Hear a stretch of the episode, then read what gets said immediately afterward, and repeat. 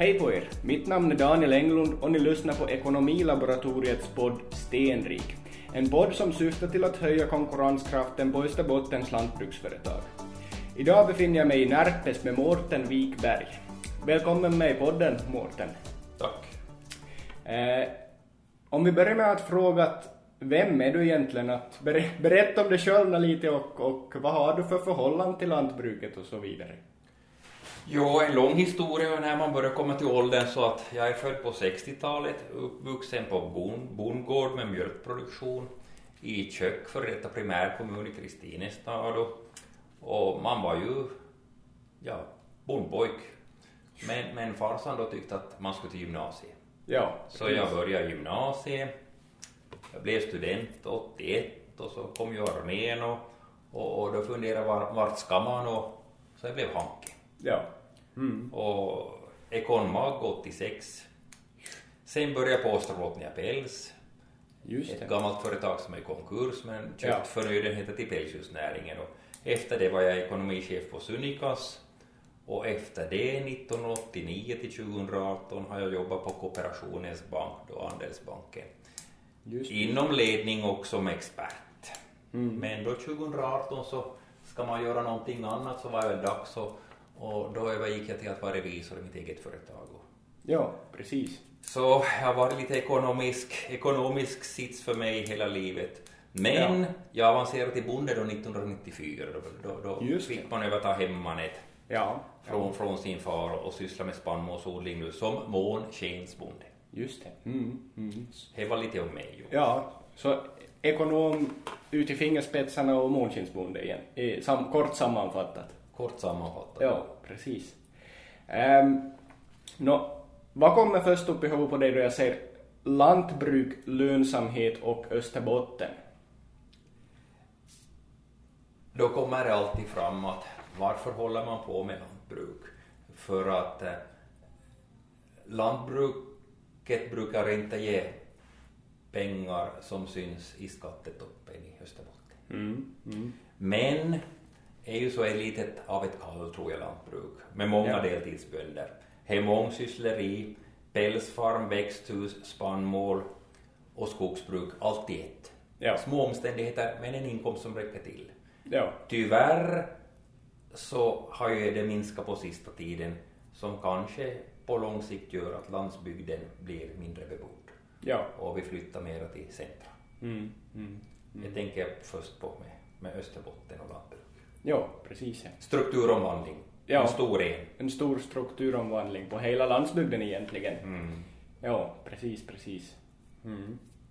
Eh, om vi tar det här lantbruksföretagen och, och, och om vi det här och tänker på eh, växthusföretag och, och, och pälsföretag och så vidare, att, att med den här erfarenheten som du nu har, att, att vad är grundpelarna till ett lönsamt företag eller lantbruksföretag? Konstigt nog så har jag inte lärt mig det i Hanken. ja, så, ja just Utan det var faktiskt en, en, en, en, en, bonde som sa åt mig att det är inte- svårt att vara bonde. Att om det ska gå bra så måste man bara vara lite bättre än medeltalet på alla områden. På intäktssidan och på kostnadssidan.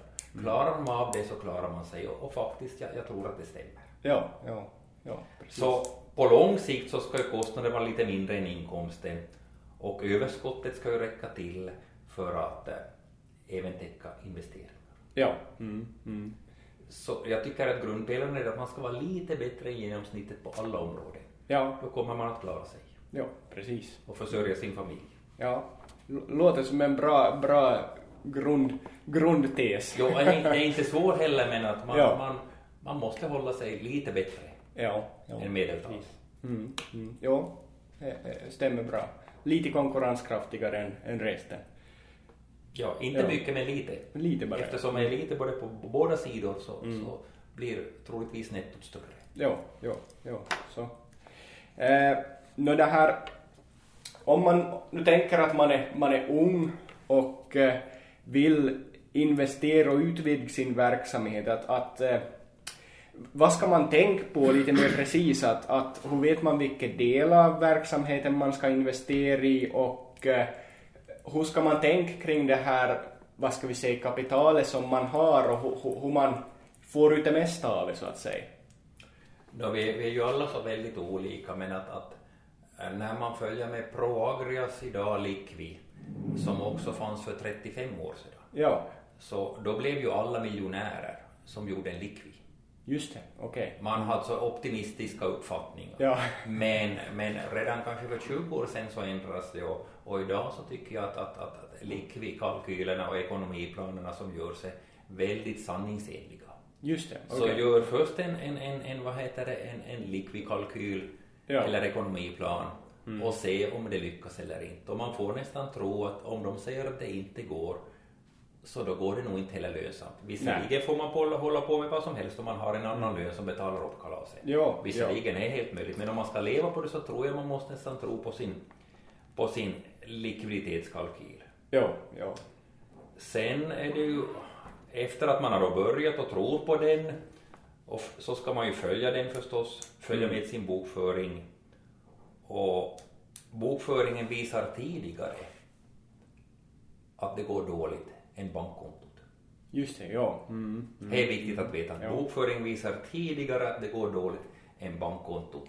Precis, ja. ja, ja. Så om, om man ser att nej, men nu, bör, nu börjar resultatet bli mindre för varje år här så, då, så småningom följer bankkontot efter. Bankkontot följer efter med, med fördröjning. Ja. Och då är man ju så att säga riktigt i Ja.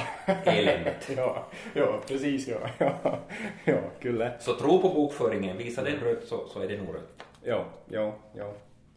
Kyllä. Eh, nå det här... Så du skulle säga att, att för att följa med sin lönsamhet så är det, är det, är det bra till koll på, på, på både resultatet och konto på det viset? eh, Att, att och hi- hitta en liten... Balans nog, men att, att för, Ja. först resultatet och, och, och man ska inte som bara, bara slänga in sina verifikat i bokföringen och, och sen, sen konstatera att det blev lite skatt eller mycket skatt. Ja, att, att det, det, det är ju inte skattebokföring. Nej, nej.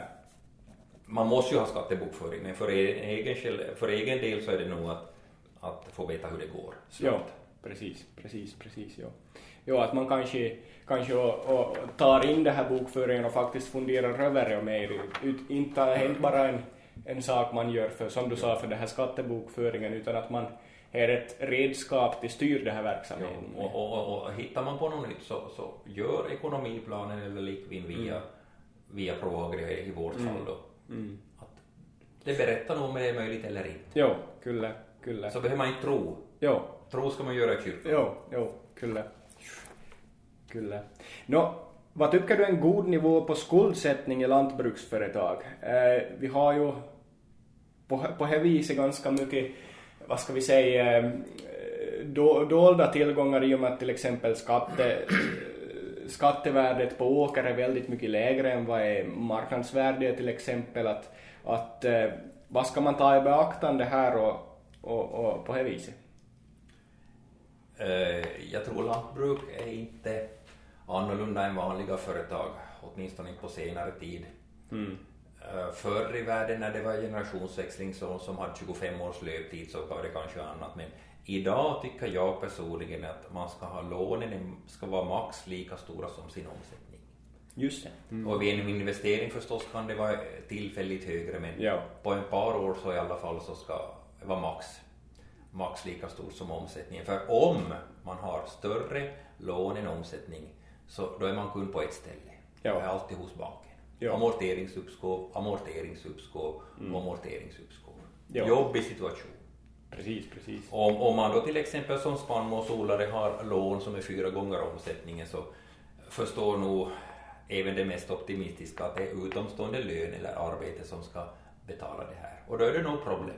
Ja, ja, precis. Bara du vet att du är villig att sätta 70 procent av din lön gå till jordbruket för att du ska få din, din skuldsättning. Ja, ja, ja, precis. Och visar då siffrorna många år i rad rött så kanske man ska göra något annat. Och inom jordbruk och, åtminstone när man äger mark så är det ju enkelt att ta en exit. Ja, Oftast så kommer man nog dö med, med, med livet i behåll, ingen Ja. skuldsanering. ja, nej. Så det är ju så väldigt bra. Har du ett fabrik eller något sånt så, så Mm. kan det vara att det är värdelöst den där byggnaden. Ja. Men bönderna kan alltid sälja sin åker. Ja. De kan klara sig bra att göra någonting annat. Så det är ju som en positiv sak. Ja. Fast den är negativ förstås. Men Ja, ja, men i alla fall. man så- får göra en positiv exit. Mm, mm, precis, så du skulle säga mer att man ska, man ska tänka på den här skuldbördan i förhållande till omsättningen och, och, och, kanske inte så mycket till vad man har för eh, kapital i, bundet i, i, i mark och byggnader och så vidare. Men det hjälper ju inte vad du har för kapital bundet. Mm. Eftersom det är din omsättning som ska betala kalaset. Precis. Och har du ingen omsättning så slut då. Ja, mm, mm, ja. Tyvärr Ja, slut. ha, har man ingen verksamhet heller. Nej, Ja. nej, och då ska i alla fall säljas ifall lånen finns kvar. Ja. Ni lyssnar på Ekonomilaboratoriets podd Stenrik. Om man är i den situationen idag nu att man har, man har en skuldbörda som är kanske, som man upplever för stor och, och, och kanske är, vad ska vi säga, två, tre gånger omsättningen eller något sånt. Ehm, vad ska man tänka på för att få sig ur det här? Vilka är stegen? Vad, vad, vad, vad är första steget på det här viset? Eftersom man inte kan klara av det med verksamheten så Mm. har man ju två alternativ. Jobba mera utomstående och, och Ja. att du får in pengar så att de kan klara av det. Andra alternativet är att sälja bort. Ja, precis. Varför plåga sig själv när det finns Ja. en ny möjlighet Ja, mm. följande dag? ja precis. Mm. Det låter som enkelt, det är väldigt svåra beslut men att, Ja. att Mm. det finns ingenting annat. Jobba Ja. utomstående om du har möjlighet då. Mm. Och ha, har man inte, orkar man inte med det så, så då måste man ta en exit för att det blir bara värre och värre. Ja, ja, Kan ha livet förstört i onödan. ja. Om man kommer in i en, En dålig cirkel. skuldspiral på Mm. viset, ja. ja. Jo, här kommer beskattaren och här kommer banken och Mm. här kommer, man kanske inte orkar bokföra och blir, vad heter det, uppskattad beskattning och här, Ja, allt möjligt kommer på en. ja, ja. Och så orkar man inte betala räkningarna och så orkar man inte öppna brevlådan, det blir bara värre och värre. Ja, ja, ja, jag får En tar en, en bit i gången. Ja. Jo, ja. bä- bä- bäst att man tar tur med det genast. Ja, precis. Precis. Eh, nå, om, om vi tänker ändå på det här att hålla koll på sin ekonomi och, och, och så, att vilka, lite mer specifikt, att vilka poster i bokföringen är det bra att hålla koll på för att hålla sig på det viset ovanför sin verksamhet och ha ett helikopterperspektiv och hålla sig up, to date på det viset. Nå, om man nu har gjort sin investering då så har man sin likvid, likvidplan och man har sina hönor eller kor eller getter eller vad man nu har, Mm. får. Så ofta så brukar produktionen fungera ganska bra. Men om du är ung bonde så maskiner intresserar alltid. Ja. Och, och banken har kanske redan sagt att vi som finansierar det här köpet och byggnaden och sånt och, men maskinerna är intresserade i alla fall och Likvindo säger att du ska kanske få investera för 15 000 till i år. Men, Ja. men, men är så enkelt idag att skaffa mera maskiner på leasing eller avbetalningsfinansiering. Och så får du genast momsen tillbaka och du blir nästan rik på att byta, byta traktor. Ja, precis. Och den posten är nog, den ska man ha koll på i sin bokföring. Ja, Blir, stiger den posten så, så då tror jag man börjar ha loppet kört. precis. Ja, Jag skulle säga det är den viktigaste, ta inte för mycket leasing avbetalningsköp. ja. Mm. För ingen kontrollerar det utan, utan bara du själv. ja precis. Det finns ingen utomstående kontroll så länge du kan betala din räkning men när du har din första betalningsstörning, sen är slut, allt slut. Ja, Då är bara kontant, Mm. då är även slut. Ja, ja. Mm. Allting är slut då. Ja, ja. Så var försiktig med, med för stora investeringar för oftast brukar produktionen gå rätt så bra. Ja, Men, men det här investeringarna sen som ja, att man, man investerar, för mycket. ja, man investerar och investerar kapitalet kanske på fel, fe- fel ställe på det viset. Ja. Där var det ger, ger mindre avkastning. I, inte på det, man behöver ju ha en, en vissa maskiner och behöver, behöver ha en viss standard på dem kanske, Jo. men, men, det, är ju, det finns ju alltjämt ett, ett, ett, eh, mer eller mindre avkastande eh, ställen man kan placera det här Mm. kapitalet på det viset. Just i norra Österbotten finns ju det här maskinandelslaget Penny som jag tycker är Ja. väldigt bra. Äh, Här fanns ju också tidigare i södra Österbotten men det har alltså Ja. dött ut. Ja, Och jag, jag tror att kanske är in- ingen dum idé att, att eh, hy- hyra in de tjänster Ja, du behöver istället för att skaffa den här apparaten ja, precis. eventuellt. Och det ska vara som samhällsmässigt accepterat också att göra det. Ja, ja. Att det är accepterat, att man inte är så mindervärdig om man måste hy, hy, hy, hyra in en entreprenör. Måste ha lite hjälp. Ja, precis. Mm. Sedan ska man kanske, för att hålla sig up to date, eventuellt att att övergå till sån här molnbokföring. Ja. Mm. Att du har alltid access till senaste resultatet, till Ja. senaste räkning i din mobiltelefon. Ja, precis. Att Ja. kanske det också, för yngre i alla fall, inte för Ja. Äldre herremän. Inte. De, de, Nej, de, de, de sätter in sina papper som förr med. Ja. Men Så, så, så har du alltid kontroll över saker och ting, Ja, ja. Mm. även resultatmässigt. Ja. Lå- låter som ett bra råd nog faktiskt det här med molnbokföring på det viset. Ja. Mm. Eh, nå det här, vi gick kanske lite in på redan eh, från, från en, en, ett skuldperspektiv, men om vi tar det här lönsamhetsperspektivet, om man har en, en dålig lönsamhet, att, att eh, hur reder man upp det? Att var börjar man i så fall?